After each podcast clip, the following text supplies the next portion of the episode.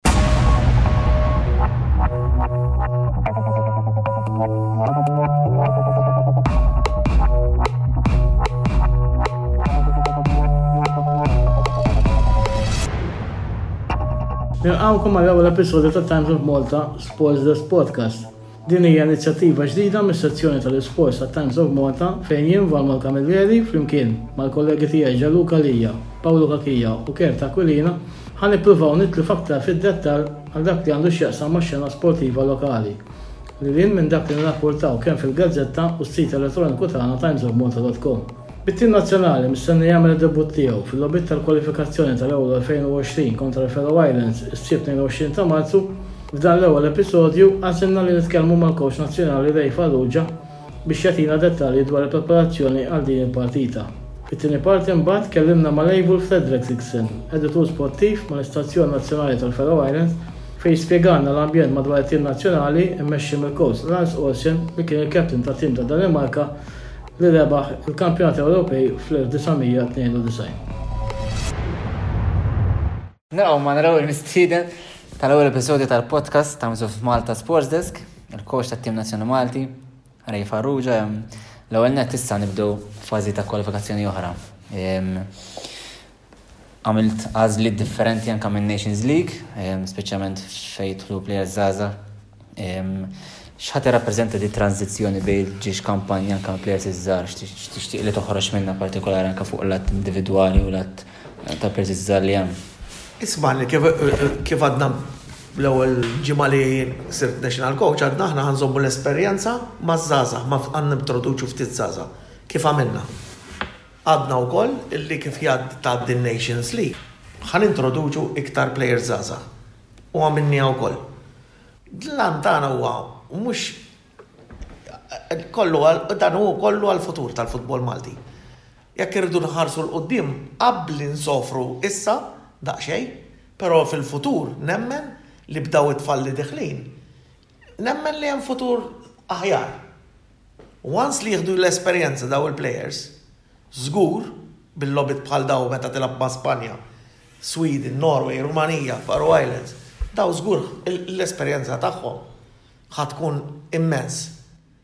Dawn huma l-logħbiet fejn jistgħu jsiru plejers aħjar. Dawn l-uniku ċans tagħhom. Allura aħna qed nemmnu fihom dawn il-plejers żgħar, qegħdin fl-iskwadra, issa xogħolhom huwa li jieħdu posthom fit-tim, nintroduċuhom bil-mod il-mod kif għamilna il-Limbong u l-Juan Corbolal u l-Kirinin Uoko. U iwa, hemm qegħdin issa, hemm skwadra li hekk toqgħod taħdimha l-average age tinżel immens issa fejn konna qabel. Jiġifieri jekk qegħdin nifhmuk tajjeb, li aktar milli objettiv ta' punti u ta' pożizzjoni fil-klassifika, dawn il-logħbiet ta' kwalifikazzjoni ħa jkunu iktar biex tkompli tibni tim nazzjonali li jkun iktar kompetittiv fis-snin li ġejjin. No, jiena ma ngħidx hekk. Jiena Nemmen fihom daw iż-żgħar. U llum hekk tara tara t-timijiet il-kbar tad-dinja bħall-Ġermanja, għandek bħall-Ingilterra.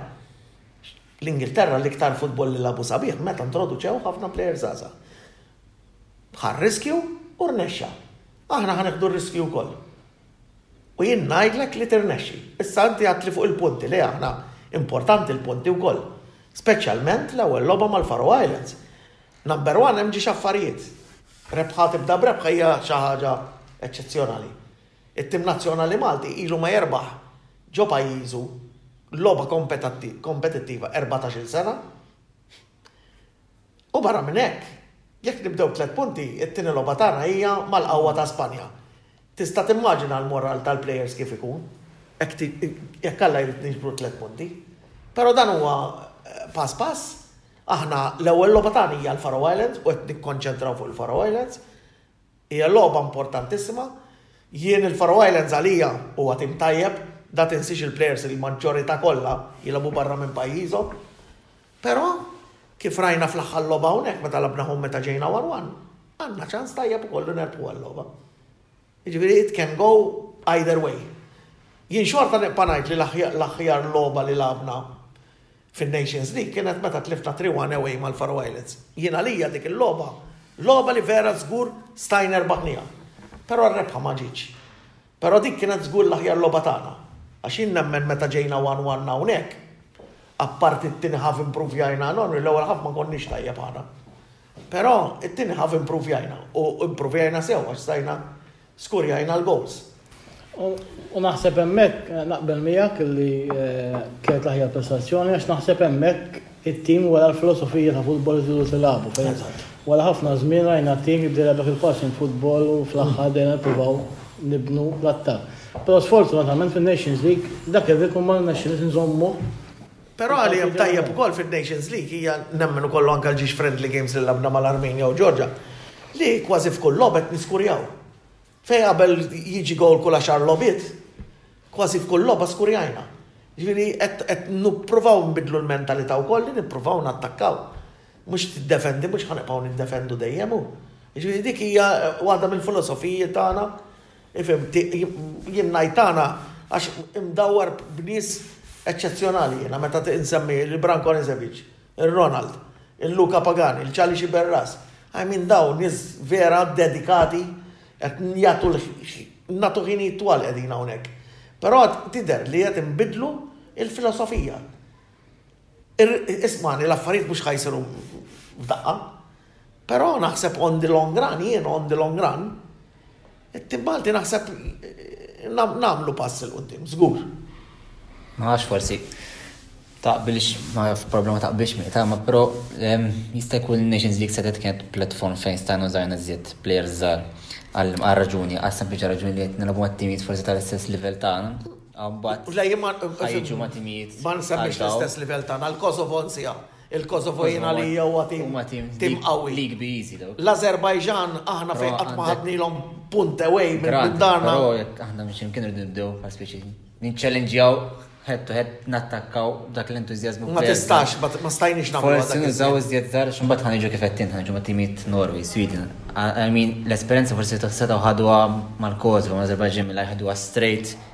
ma' Spanja, ma' Norway, għax isa cultural shock. No, no, tifek id-nime, ma' kħares li aħna ma' tistax taqbad u twaddab 5-6 players daqqa, impossibli. Mela, waddabna l-Gorbolan, il-Joseph Imbong, Kiri Nwoko, li kienu tajjeb. Issa probabilment jitħlu iżjed. Ma' tistax twaddab f'daqqa, ma' tistax. Aħna l-qawwa tal-Kosovo kull ħatra, daw il-Kosovo ġifieri daw il-players tagħhom il-maġġorità tiġa lagħbu ma' pajjiż ieħor. Għandek għandek il-player li jilgħab qed tifhem? Berisha dak lab ma' Norway ma nafx kemm il-logħba. Mill-youth sal-national team 75 logħba, 75 logħba. Dabba il-Kosovo, l-Azerbajġan nafu l-qawwa tagħhom. L-Azerbajġan 1-1 u 1-1. Fejhom konna tajb. Il-Faro Islands. One one, tlifna three one, għad, għad, għad, ħa nirrepetiha, jien għalija l-aħjar logħba li lagħbna. Jiġifieri diġà hemm xaqq ta' dawl, però baqa' ħafna xogħol xi jsir. Ħafna, ħafna, ħafna. Aħna tinsiex, we started from scratch, we started from scratch. U rridu nimxu pass pass. Għax imbagħad tasal għall-istess ħaġa mbagħad miż-żgħar anke għall-fatt li fil-ground dejjem nilagħbu bl-istess atteġġjament fis-sens iktar konservattivi. Forsi meta niġu ma' timijiet bħal Faroe Islands, forsi jekk kieku jkun iżjed kuraġġ, iżjed biex tattakka, mhijiex faċli li tfil tim jiddefendi għal ħafna snin, tiġi biex timplementa logħba offensiva mhux faċli. Tkollok it-teknika, l-affarijiet, però forsi Xi kultant il-kuraġġ qisu jonqos aħna għax manka meta ġejna mal-Fergħalin l-aħħar 10 minuti attakkajna tal-Andrea ġust minn wara wkoll. I mean, krejna ħafna, jiġifieri naħseb xi kultant. Actually anka l-kuraġġ fil-plejers stess, fil-mentalità li isna taffetwa. Jien nemmen, da punt tajjeb li qed tgħid, jiena nemmen li l-plejers, aħna l-plejers Maltin, we show too much respect għall-barranin. Too much. Jiena ngħidilhom il-players, ħaġa li ngħidilhom on the pitch there are no friends, one thing. Once li inti fil-pitch, inti everybody is your enemy. Jiena irrid nerbaħ. Irrid nerbaħ. Però aħna nemmen li għadna dil-mentalità that we show Too much respect to our opponents, jien ngħid, jien. Forsi qed titbiddel daqsxejn, dieħla dik ir-rabja. Hemm bżonn ikun hemm dik ir-rabja, pereżempju fifty fifty ball. Irrid inkun ċert li ħa nerbħu jiena. Fil-pitch, nagħti kollox. Kif ngħajja? Substitution, il-coach. Pum. Aħna xi kultant il-player ikun irid jibqa' fil-pitch, irid jibqa' fil-pitch. Jien hekk inkun tajt kollox wara 60 minuta. Nolli, dejja ngħidlu l-coach, il-fuel kollu tajtulek. I did enough.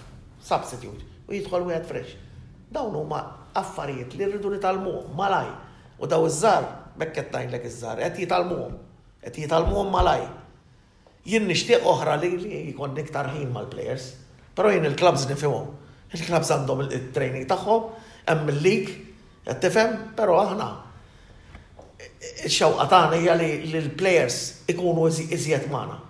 Però kif ħa terġa' tiġi bħal qabel, bil-professional scheme hija naħseb impossibbli. Le, naħseb bħal qabel ma tistax issir, però forsi nagħmlu bħal pajjiżi oħrajn li t-tim nazzjonali jagħmel international stage fejn il-coach ikollu Forsi xi ħaġa programmata. Peress li ma tantx tara tista' tiġborhom miegħek anke huma meta inti tiġi hawn. Ix-xewqa tagħna. U tkun xi ħaġa strutturata anke mill-MFA meta jagħmlu l-kalendarju tal-lig, jiġifieri tħalli dik il-ġimgħa matul il-kampjonat forsi tħalli tliet ġimgħat fejn għalhekk ma jsirx logħob tal-Premier imma l-tim nazzjonali u anke ta' taħt 21 sena. Mhux hekk, ovvjament. Mhux hekk. Ikollhom ċans jaħdmu mal-plejers tagħhom għalmenu ġimgħa Għax inti fi staġun, dal-jumejn li jkollok mal-plejers tat-tim nazzjonali, kemm ħa tagħmel xogħol magħhom? Anzi, il-lig waqaf mal-lura u jiena tlabt l-MFA titlob il-klabs biex u aċċettaw, ġviri dik hija plus kbira għalina, għanna isu 5 days, 5 days extra, tejna ħafna, tinsix li minn dawk il-5 days għandek l-ewwel jumej recovery, ma tista' tagħmel xejn. Ġviri, Però kieku hu kif qed tgħid int, imqar darba fix-xahar, il-plejers jiġu jumejn tlett ijiem, nieklu hawn flimkien, noqogħdu flimkien nittrenjaw double session u hekk, tgħinna ħafna żgur. Hu żgur, żgur, imma. Xi żmien li jkollok ma nafx hekk faċli anke tippjana. Dawn mhux affarijiet. Irid isir iktar kliem, diskors bejn il-klabbs u l. l-MFA u aħna, u nippruvaw naslu għal soluzzjoni. Dik ix-xewqa tiegħi jiena għat-tim nazzjonali Malti. Għax din hija kollox jorbot mal-fatt li qegħdin nippruvaw nbiddlu din il-mindset difensiva li kellna qabel. B'dawn it-tip ta' stages huwa biss il-mod kif tista' tbiddel Jena, hemm il-loba, tal-mindset. Mhux hekk. Fl-ambjent. U tajjeb, u l-ambjent nafu aħna. Aħna kien hemm eh, eżempju kif qed tajt inti l-logħba tal-Kosovo. Wieħed b'xejn, konna nitilfu wieħed b'xejn, titlef tnejn b'xejn, aħna rriskjajna, vera rriskjajna, seta tħadmet favorina, però ħadmet kontrina. Kif kullum il-ġurnata, kif għamilna aħna daħħalna tliet strikers. u erbaħna, kulħadd. Jew anka ġibt il-dron. Qed tifhem? Imma ma ħadmitx, ħadna batejna, batejna. Ikonna bidla strejkes qed tifhem ukoll. Ma kien hemm, kull ma kien baqa' 16, 17 minutes. Ma tirriskjax. Illum tlifna ħamsa b'xejn. So, wara kulħadd bravu, ġifieri, imma ħadna r-riskju. Jiena nippreferi nirriskja u forsi nġib id-draw jew nerbaħ milli nitlef wieħed b'xejn. Għax għalija tlift wieħed b'xejn, xorta tlift wieħed b'xejn, xorta telfa. Illum l-għada taf x'jgħidulek in-nies kemm ġew erbaħna, xi kultant laqas isaqsu r-riżultat. Aħna ix-xewqa tagħna hija li tiġi dir-rebħa. Xewqa kbira għandhom il-players. Il-logħba tal-Faro Islands għalina is mhux Cup Final, World Cup Final għalina. Tant qed qegħdin iffokati l-players għal din logħba illi qed nieħu pjaċir narhom fit-training. Jiġifieri anke l-attitudni qed titbiddel l-attitudni. L-attitudni qed titbiddel. Jien nara players jien ili hawn jiġifieri erbatax-il sena. Meta tara player qed jiġi siegħa qabel it-training. Mhux player il-players kollha. Ngħid hawn xi ħaġa tajba żgur. U mhux għax dan, irringrazzja l-MFA wkoll għax li tlabthom tawna. Tgħidlix x'tagħkom? Dressing room ġdida. State of the art. Tlabnihom tecball, tecball il-ġdida li kull klabb fl-Ewropa għandhom. Ġabuha mill-Amerika. Table soccer, table tennis. Irranġaw il-gym, xi trid iżjed? I mean għandek kollox. Meta ġibt ħabib tiegħi mill-Ingilterra, coach mill-Ingilterra u daħħaltu fid-dressing room, qalli not even us, m'għandna dressing room hekk. Leeds United qed ngħidlek, mhux biċċa hi di. Jiġifieri hemm ħafna pluses u I mean it-training grounds nafuhom, m'għandniex għalfejn ngħidu. L-għajnuna kollha tissir. Waħda li nistgħu nirranġaw forsi l-players jiġu iżjed magħna tkun għajnuna kbira. Anka l-players nifisom jgħidulna jixtiequ li darba fix-xahar ninaqdu hawnhekk tliet tim, mar tliet tim. biex jgħid ta' barra minn hawn tlett ijiem u nkunu naħdmu flimkien u naraw fejn nistgħu nimpruvjaw fejn plejers qed narawhom hawnhekk, anke plejer jekk ikun plejer qed jilgħab fil-lig u tajjatlu man-nazzjonal diġà big boost. Issa jibqax fit-23 squad jew le. Dik hija deċiżjoni tagħna. Waħda żgur, aħna ma nistgħux ngħidu iżjed minn 23. Nixtieq ngħid iżjed plejers, Imma 23 tista' tgħajjat. Issa dak ma żinniex, l-ieħor għażinnieh, ma żinniex. At the end of the day, 23 biss nistgħu nażlu. Jien qed ngħidlek, nixtieq nażel iżjed players, għax hemm players li qed iħabtu mal-bib tat-tim nazzjonali, però għallaw dawn l-ewwel ġiex lobit qed inħossu li dawn huma l-aħjar 23 player.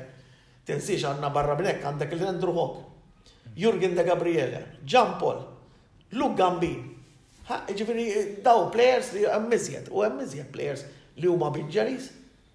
I mean dawn players validi hu.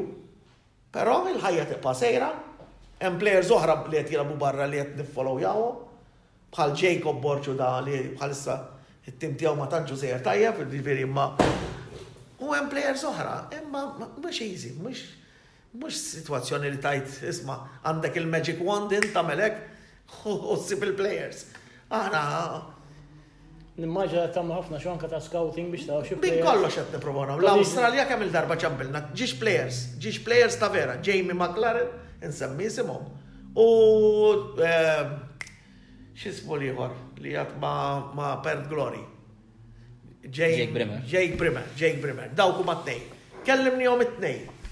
Daw tal-Awstralja ħanajlek. L-ewwel wieħed għandu għaw Jamie McLaren. Ommu Maltija missiru Skoċċiż. Għall-ewwel interessa ruħu. Mbagħad missiru biddillu l-fema issa tilab mal-Awstralja. Niweġġa qabel l-Asian Cup dak. Eżatt, proset. Issa tilab qed jilab regolari. Dak kena ċans li jiġi ma' Malta. Eżatt. U l-ieħor ta' Perglar, jiġifieri. Li kien ex Liverpool. E- e- ex Liverpool, kellim liħ, issa f'daqqa għoda qed fl-iskwadra tal-Under 23.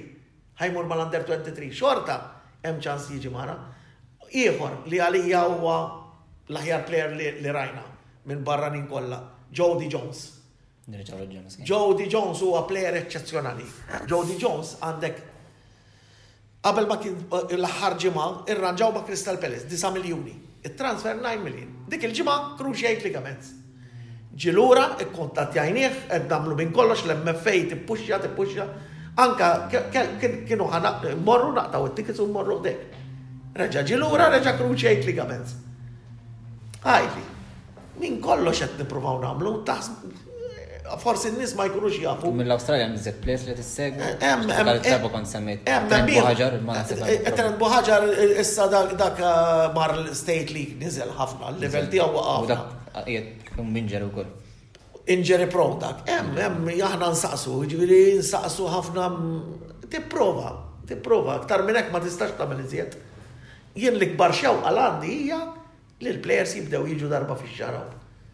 Dik hija importanti, minn hemm irridu nibdew.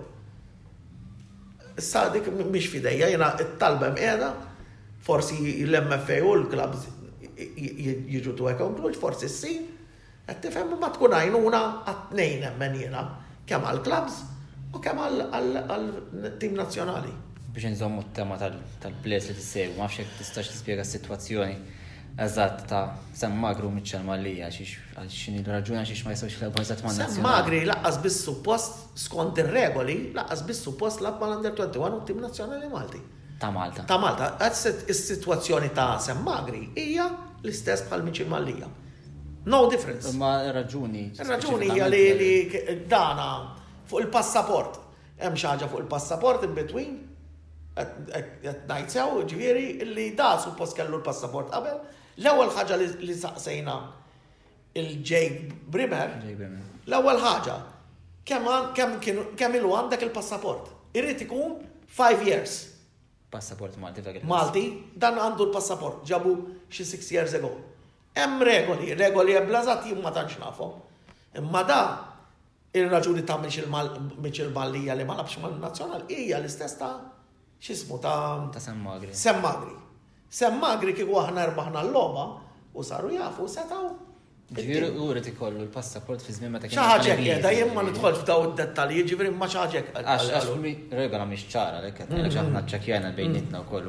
ma stajniex noħorġu eżattament xi għaliex għaliex ir-regola prinċipali li ninsefu hija li once li jkollok dual citizenship punt ma labx ma senior, in-nies ma jistax jifhmu xejn huma qatt ma lab ma l-Ingliżi ma senior level. Allura xiex ma jistax jilab ma' Malta. Irid ikun hemm ċertu żmien. U dik dik li regola li qed issemmi mhix qiegħda ċara fir-regola tal-FIFA. Ma nafx kif qed eżatt imma naħseb xatt mill-MFA jista' jispjegah ilkom Thanks God jien ma lħaqx avukat, ġifieri. Kieku mhux qegħdin miegħek ġifieri żgur.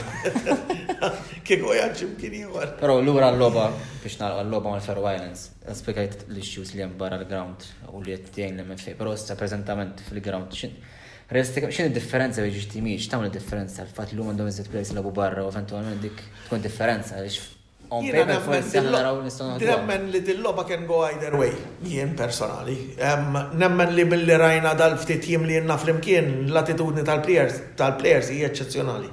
Dawn qed narhom they're looking forward għal dil-logħba. Qed- Hemm hemm il-ħeġġa, hemm hemm il-ħeġġa. Hemm il-ħeġġa u hemm ħaġa oħra tajba. Hemm ir-rabja, l-ewwel qed nara r-rabja. Jiena nemmen jiena meta kont player, meta jkollok dak dik ir-rabja, individwalment tħossok aħjar, tkun lest għal-logħba. Anzi kont ngħid pereżempju kien hemm tliet plejers il-bieraħ mhux se noqgħod insemmi isimhom, bdew konna qed nitkellmu qed narahom saqajhom sejrin hekk jixxejkjaw u da. U qallu li coach taf x'inhi taf x'inhi nixtiequ li l-logħba qiegħda llum issa ħa nibdew issa. Jien qatt ma smajtha baqgħu fid-dressing room tat-tim nazzjonali. I'm looking forward għal-loba, mux ħatkun loba faċli, zgur, zgur. Da tim tajjeb, players tajbin, pero aħna għat nippreparaw mill-aħjar li nistaw biex nkunu lesti għal din il-loba. Ma naħseb il-fat li mill-lix ħafna l-għadna maħħum. Tejn anki anki għal-players. U naħna nibdew home gol. U nibdew home. Dik hija tajba ħafna. Din daw it-tlet punti għalina tina boost enormi. Enormi l-boost. Għattilhom il-players. Għattilhom jekk nibdew brebħa kalla jrid. Tlet tim wara għandna loba enormi, enormi l-loba ta' Spanja. Nafu, nafu. Manka il-feeling tal-player ikun aħjar, żgur. Issa naraw. Forsi, forsi biex nikkonkludu appell għal-supporters biex jiġu. Jenna dik dejjem najda ta' supporters, ta' supporters aħna minar support għaj minn tiġi għawnek u jkollok ground void. Anka nkun player, jinki kiku player. Nafs il-koraġi ġa ta' kulek. Tiddeja, jien rrit il-support warajja, jis-support jani. Fit-tajja u fil-ħazin, sintedni. Pero aħna minar support ma nistaw naslu nkien. Aħna nafu li s-sapport Malti, ifhimni, ilna ma nerbħu, ilna ma nerbħu żgur, allura jibdew jgħidu n-nies jien kieku nibda ngħid imma meta ġejja tirebħu, meta ġejja tirebħu. Imma jien nemmen you have to follow your team, tibqa' tissapportjah, għax aħna at the end of the day it-tim mhuwiex taż-żagħżugħ, it-tim tagħna kollha, tal-Maltin kollha. Dejjem ngħidha dil-kelma jien. Jien ħa nerbaħ, jien x'ħa nerbaħ? Jien ħa nerbaħ magħhom. Ħa nerbħu flimkien. Hekk mhux ħa ningħaqdu flimkien, niġbdu ħabel wieħed u ngħinu lil kulħadd biex forsi nimxu pass 'il quddiem? Might as well nagħlqu l-bibien jiena li hekk ngħid. M'għandix m'hemmx taħbi. Aqbad għalaq il-bibien. Jien irrid nara s-sapport Malti jiġi hawnhekk, jippuxxa l-plejers Maltin, jippuxxa lili, jippuxxa 'l kulħadd. U at the end of the day nifirħu flimkien. Għax dak hu s-sabiħ tal-futbol. L-appell tiegħi huwa ejjew għajnuna għandna bżonn l-għajnuna tagħkom. Nafu li ilha ma tiġi rebħa, imma tiġi, at the end of the day xi darba tiġi. Però xorta mingħarkom intkom you are our 12th man. Hemmhekk nirringrazzjaw lil coach Ray Farrugia talli naqat magħna bħala l-ewwel mistieden fl-ewwel episodju ta' dan il-podcast. Issa ngħaddu għat-tieni parti ta' dan l-episodju fejn ħan nitkellmu mal-ġurnalist Leivar Fredriksen li huwa editur sportiv mal-Istazzjon Nazzjonali tal-Faroe Islands fejn ħajdaħħal niżjed fl-ambjent tat-tim nazzjonali tal-Faroe Islands u anke ħajtina anke xi spjegazzjonijiet ta' kif qed jaħdem bħalissa l-moviment kalċistiku ġewwa l-Gżejjer Fero.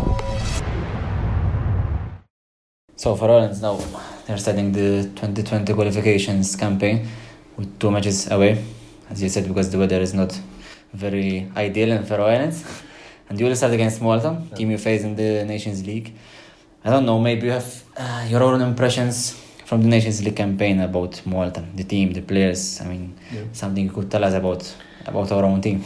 I think in, in, in, general, the whole UEFA Nations League was a bit disappointing for the Faroe Islands. They got uh, four points, but I think uh, both the squad, the coach, and also uh, the fans expected a bit more uh, before starting the campaign.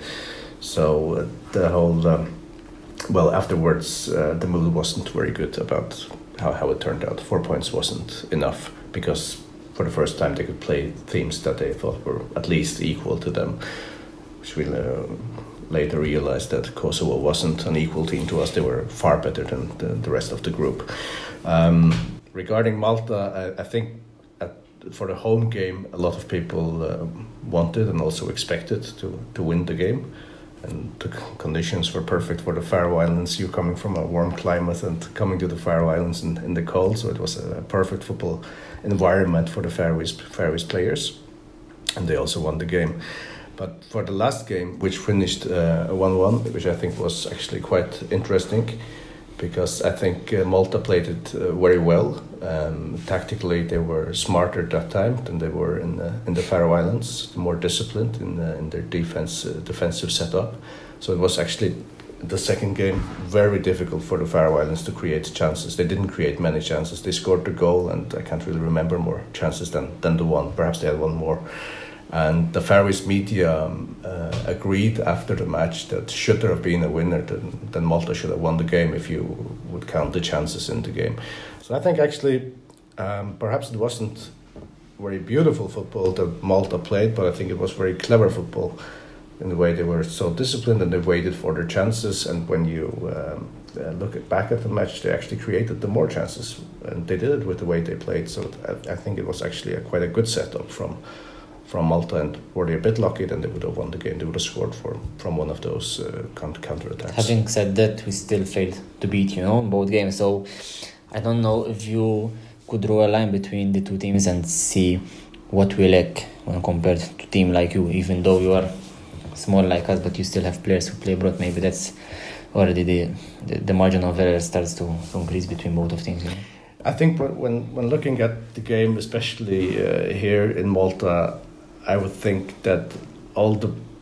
players uh, playing for Malta would, would get into you know Faroese teams, but I don't think all of them would get into uh, the top teams in the Faroes. I would actually doubt that. Some of the players wouldn't do that. Um, I think the big difference um, between the teams, as you mentioned, is uh, that the Faroese have players who play in uh, Norway, in Iceland, in Denmark, and one in, in Germany. It's just raised the level a lot for the national team also. Uh, when the co- uh, coach, this coach first came, he probably had four or, or five players playing abroad. Now the majority of the squad he can select, I think, 13, 14 players were playing outside the Faroe Islands on a much higher level than the Faroese competition. maybe his connections could have helped as well, I guess. I think, yeah, sometimes he, he gets phone calls from especially uh, Danish coaches who want to know more about uh, some of his players. So, yes, he has helped players to get in, into Denmark, for example, to, to play. And every time a player does well in, in Denmark or in Norway or in Iceland, now we have one in the second Bundesliga in, in Germany who is doing really well there. He's uh, scoring goals, he has assists, and so on. It opens the doors for uh, new young players to also, when they can see, okay, Faroese players can actually play football, so it, it opens the door for other players to come. So it, we're actually in a very good situation at, at the moment because if we want to raise the level of the Faroese uh, national team, we have to get you know more players abroad. The perfect situation is like a team that we can want to compare us to is the Icelandic national team, who did outstanding in 2016 for the Euros. There, that's a team that we are hoping that we one day can really compare us to. But if you look at their squad, they select 20, 23 players who are all playing in, in England and Belgium and in Holland and Italy and wherever. But I think even the mindset the Faroe Islands coast, um, is trying to, to bring in is completely different to, to what other coaches of other small countries do.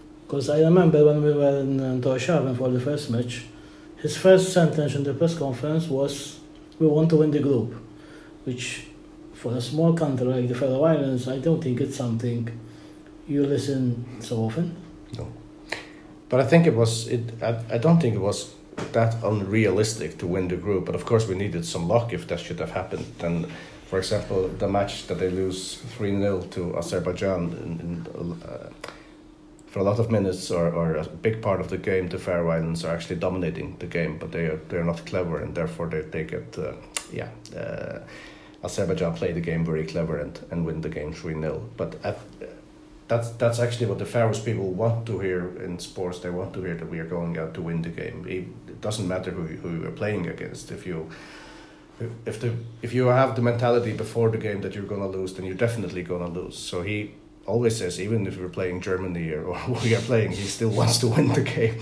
But um, I think for the UEFA Nations League, it was actually uh, not that unrealistic. But the, the Faroe Islands, also Malta, were unlucky to to get Kosovo in their group. So, like, how the Faroese media or even those who follow football in France view Malta. I mean, times have changed and France are, started start to gaining points, starting to play better. So do they see Malta still at the same level of France, or they see it as always as a must-win match?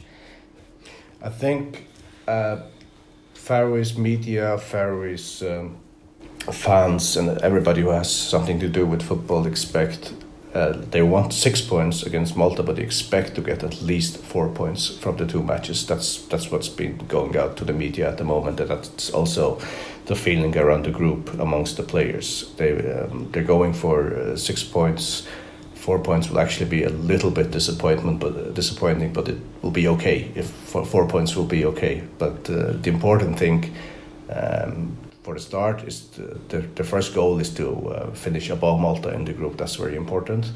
And then everything you're hoping to get points against, for example, uh, Norway and, and Sweden, who are at a, much higher level than the Faroe Islands, but still their style of playing is somewhat similar to uh, what we play. So often when Faroese teams meet uh, Nordic teams, they can actually uh, quite well compete against. Especially them. if it gets physical, I guess, no. Yeah, typically uh, these teams have a physical approach, and uh, the Faroese players, uh, yeah, that's actually what they are hoping for. If the game can get quite physical, uh, usually teams like Sweden, Norway, they they try to get the ball into the penalty area quite early, and uh, that style of football, um, yeah, it fits well for the Faroe Islands because they, they like to defend against that style of football. If it gets more technical, for example, uh, teams uh, like Portugal, but, all, but, but, yeah, Spain, but also but uh, also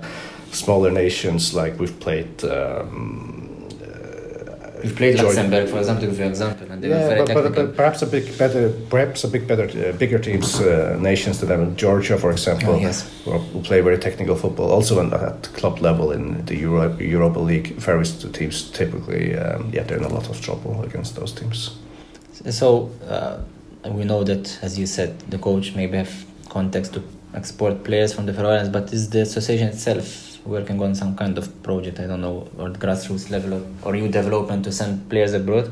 I mean, from a young age, you know, so to start giving experience to them was like they leave the players to their own choices.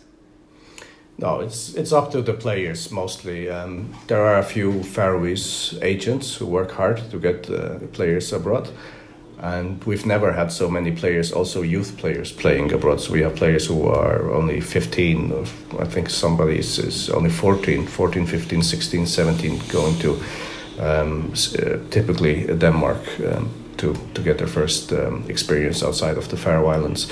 And they're actually doing quite well. So it looks, the future looks really good because um, to be honest, the Faroese League isn't a good league. It's it's amongst the worst in, in Europe. So if you have a, a lot of talent, you have to at an at an early age um, get abroad, and that's what has happened to these players who are now in a lot of the players in uh, the national team now. They got um, to a foreign club quite early when they were perhaps teenagers or in their early twenties, and they've developed a lot.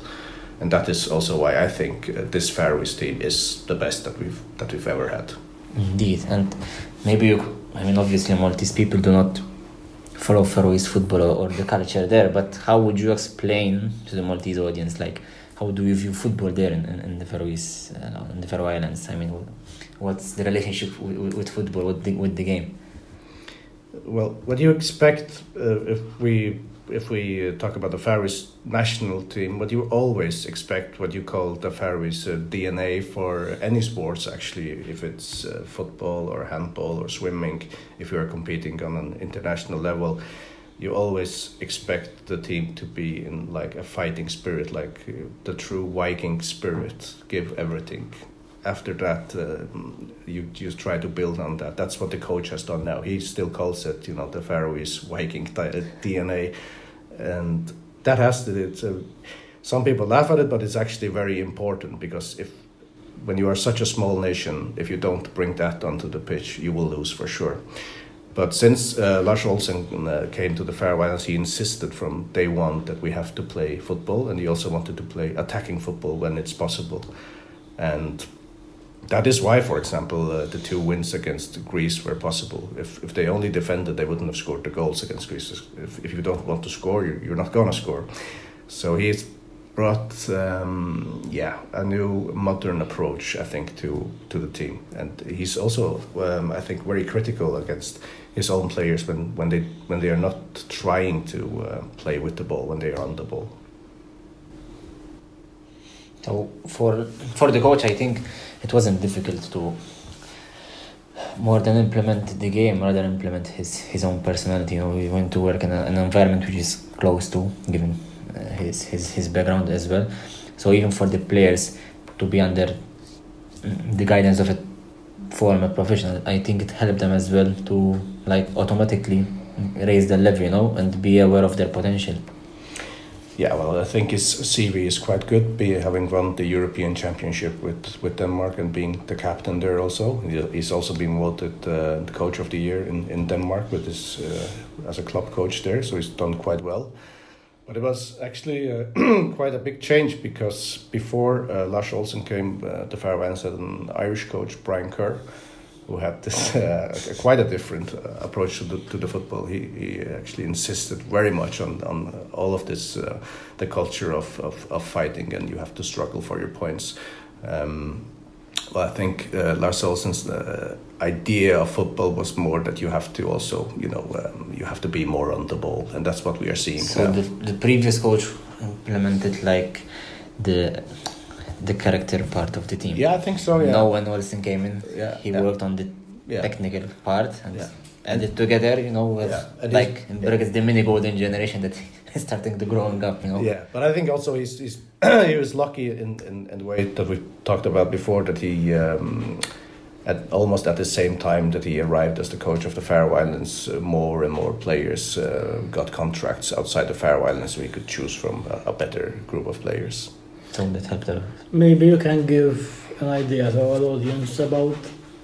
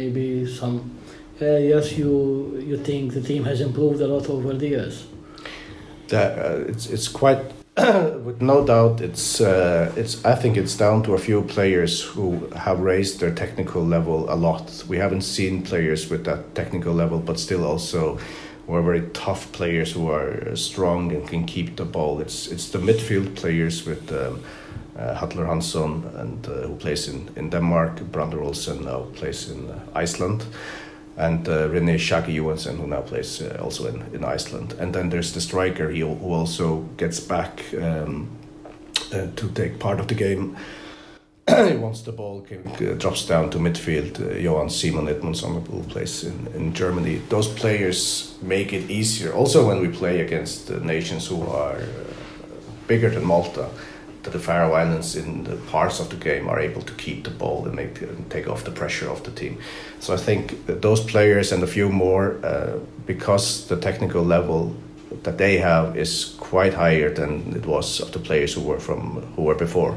So that has raised the level of the team a lot. I think especially those four players are, are key to, to a victory against Malta.